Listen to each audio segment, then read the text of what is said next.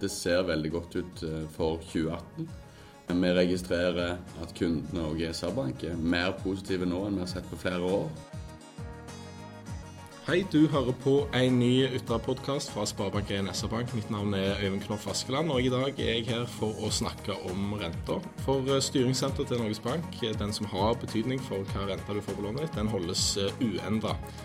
Det ble bestemt i dag, 25.1. Eh, Styringssenteret ligger nå på 0,5% og der har den ligget nå i snart eh, to år. Men eh, er det sånn nå at vi nærmer oss en renteoppgang, og hva vil det i så fall bety for deg? For å svare på det, så har jeg fått med meg sjeføkonom i SR-Bank, Kyrre Knutsen, direktør i SR-Bank Markets, Bjørn Sivertsen, og privatøkonom Oddvar Rettedal. Og Oddvar, renta er fortsatt lave. For deg og meg, hva gjør det med økonomien vår? Altså 80% av norske befolkning eier jo sin egen bolig, og de fleste har lån på boligen. Eh, for disse betyr jo fortsatt lave renter, at låneutgiftene ikke øker, og at en slipper å redusere på forbruket for å dekke inn eventuelt høyere låneutgifter. Lav rente det gir jo handlefrihet, det gir rom for sparing, og i det hele tatt så gir det en romslig økonomi for mange. Men for de som har penger på konto, så betyr jo fortsatt lave renter at uh, renten på sparekontoen eh, er fortsatt lave. Og det gjør nok at folk flest eh, fortsatt vil se seg litt om etter andre plasseringer eh, som gir litt mer avkastning, f.eks. sparing i fond. Selv om Norges Bank nå holder styringsrente på 0,5% så har de jo en prognose som sier, tilsier at den kan bli satt opp i høst, eller ja, litt fram i tid i hvert fall. Vil en sånn oppgang bety at folk vil få høyere rente på lånene sine? Ja, det må nok forvente.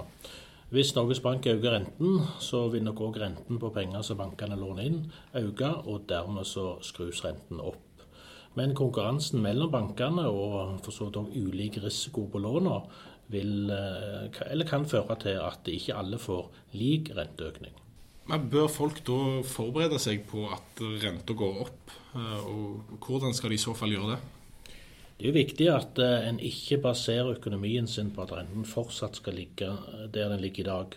For folk flest med god likviditet og moderate lån, så vil nok eh, noen økninger på 0,25 ikke bety så veldig mye.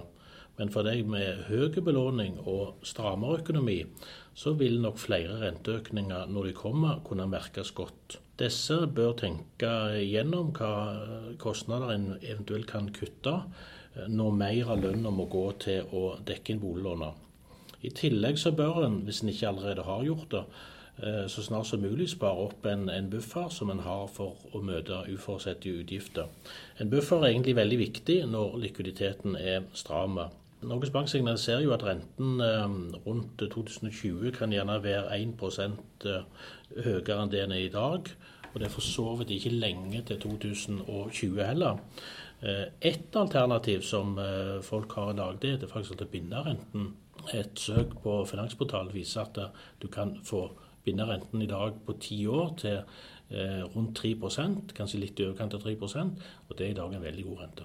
Men når Norges Bank en gang velger å heve styringsrenta, hva er da grunnen til at de velger å gjøre det?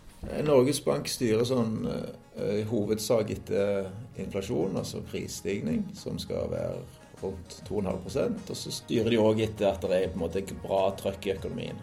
Og så påvirkes vi òg av det som skjer ute, både renter og kronekurs og, og, inflasjon. Og akkurat nå har vi vært gjennom en, en, en eh, litt spesiell tid, fordi at eh, det har begynt å gå mye bedre i norsk økonomi. Arbeidsledigheten er den laveste på nesten ni år. Samtidig så holder inflasjonen seg lav. Det gjør at Norges Bank fortsatt må, må stimulere økonomien for at, for, at, det skal være prisstigning.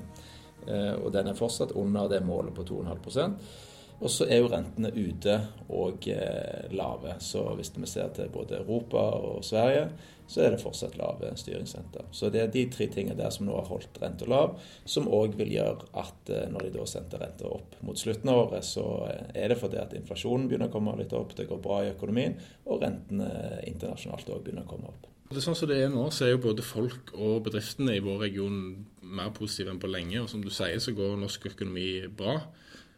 Selv om renta nå skulle stige og folk gjerne må betale mer på lånet, er det sånn nå at eh, egentlig alle får jobb igjen, og ingen trenger å være redde for å miste jobben de har, og at eh, vi rett og slett får et godt eh, 2018? Ja, sånn som det ligger nå, så, så, ser det jo Vi har fått en veldig god inngang til 2018. Jeg ser at arbeidsledigheten er jo lav, og det er jo et, et, et bra for de aller fleste.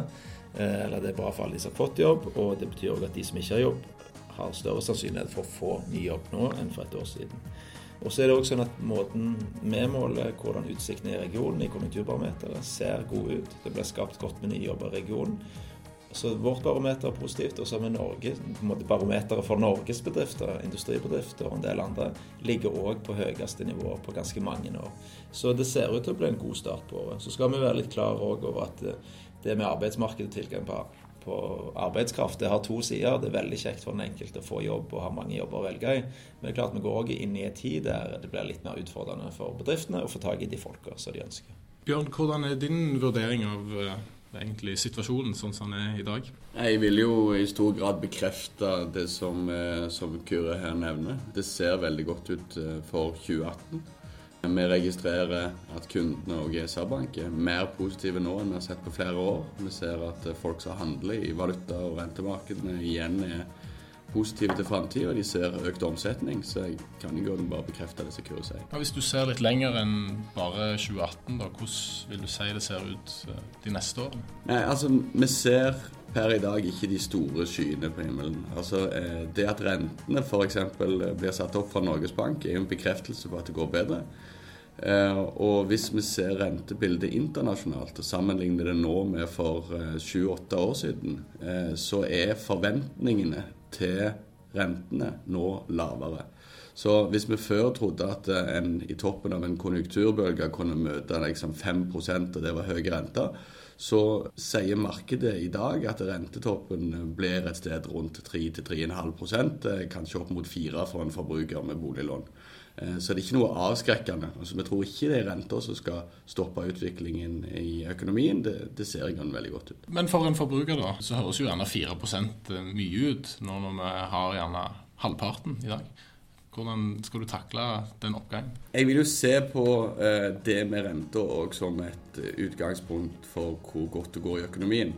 Eh, og hvis du ser at folk kan forvente noe høyere eh, lønnsvekst, eh, og at det henger sammen med en høyere rente, så tror jeg at lønnsveksten i seg sjøl skulle ta vekk en god del av frykten for at rentene skulle stige. Hvis jeg da vil prøve å holde meg oppdatert og følge med på det viktigste som skal skje framover, hva er det på en måte jeg må følge godt med på nå for, for å se litt hva vei økonomien vår går? Kanskje først og fremst denne podkasten. Så, eh, så, her prøver vi å holde folk oppdatert. Men jeg tror at de konjunkturbarometrene som En ting er det vi lager, men det som er for Norge, det som Norges Bank lager, gir et godt eh, inntrykk av liksom, temperaturen og pulsen nå og de neste månedene. Så det tror jeg er viktig å følge med på. Og tilsvarende for tilsvarende barometere for Europa og USA og sånt. Og alle disse viser ganske godt trykk nå. Og vi sitter jo og følger veldig nøye med på liksom, om vi nå når toppen, om det nå skal butte litt imot, men enn så lenge så ser det ganske bra ut. I tillegg så er det klart at både, som Bjørn mener, på rentene er viktig å følge med på, for hvis det nå går litt bedre, så vil kanskje rentene komme opp. Og aksjemarkedene òg. Det er klart en del aksjemarkeder og finansmarkeder er ganske høyt priser, særlig kanskje teknologiaksjer i USA og sånt. Så det blir litt spennende å se hvor lenge den optimismen i aksjemarkedene holder. da. Ja, men Da er det ikke noe annet å gjøre enn å følge nøye med på det. Det har vært en eh, egentlig ganske kort og konkret analyse i dag, syns jeg, fra de som er her. Jeg håper disse har gjort eh, ikke bare meg, men også andre litt lure. Neste gang Norges Bank kommer med sin rentebeslutning, det er 15.3, og da skal vi være tilbake med en ny Ytterpodkast. Så tror er det bare å takke til dere som hører på. Takke til Oddvar, Kyrre og Bjørn. Mitt navn er Øyvind Knoff og Du har hørt på en Ytterpodkast fra Sparebank1 SR-Bank.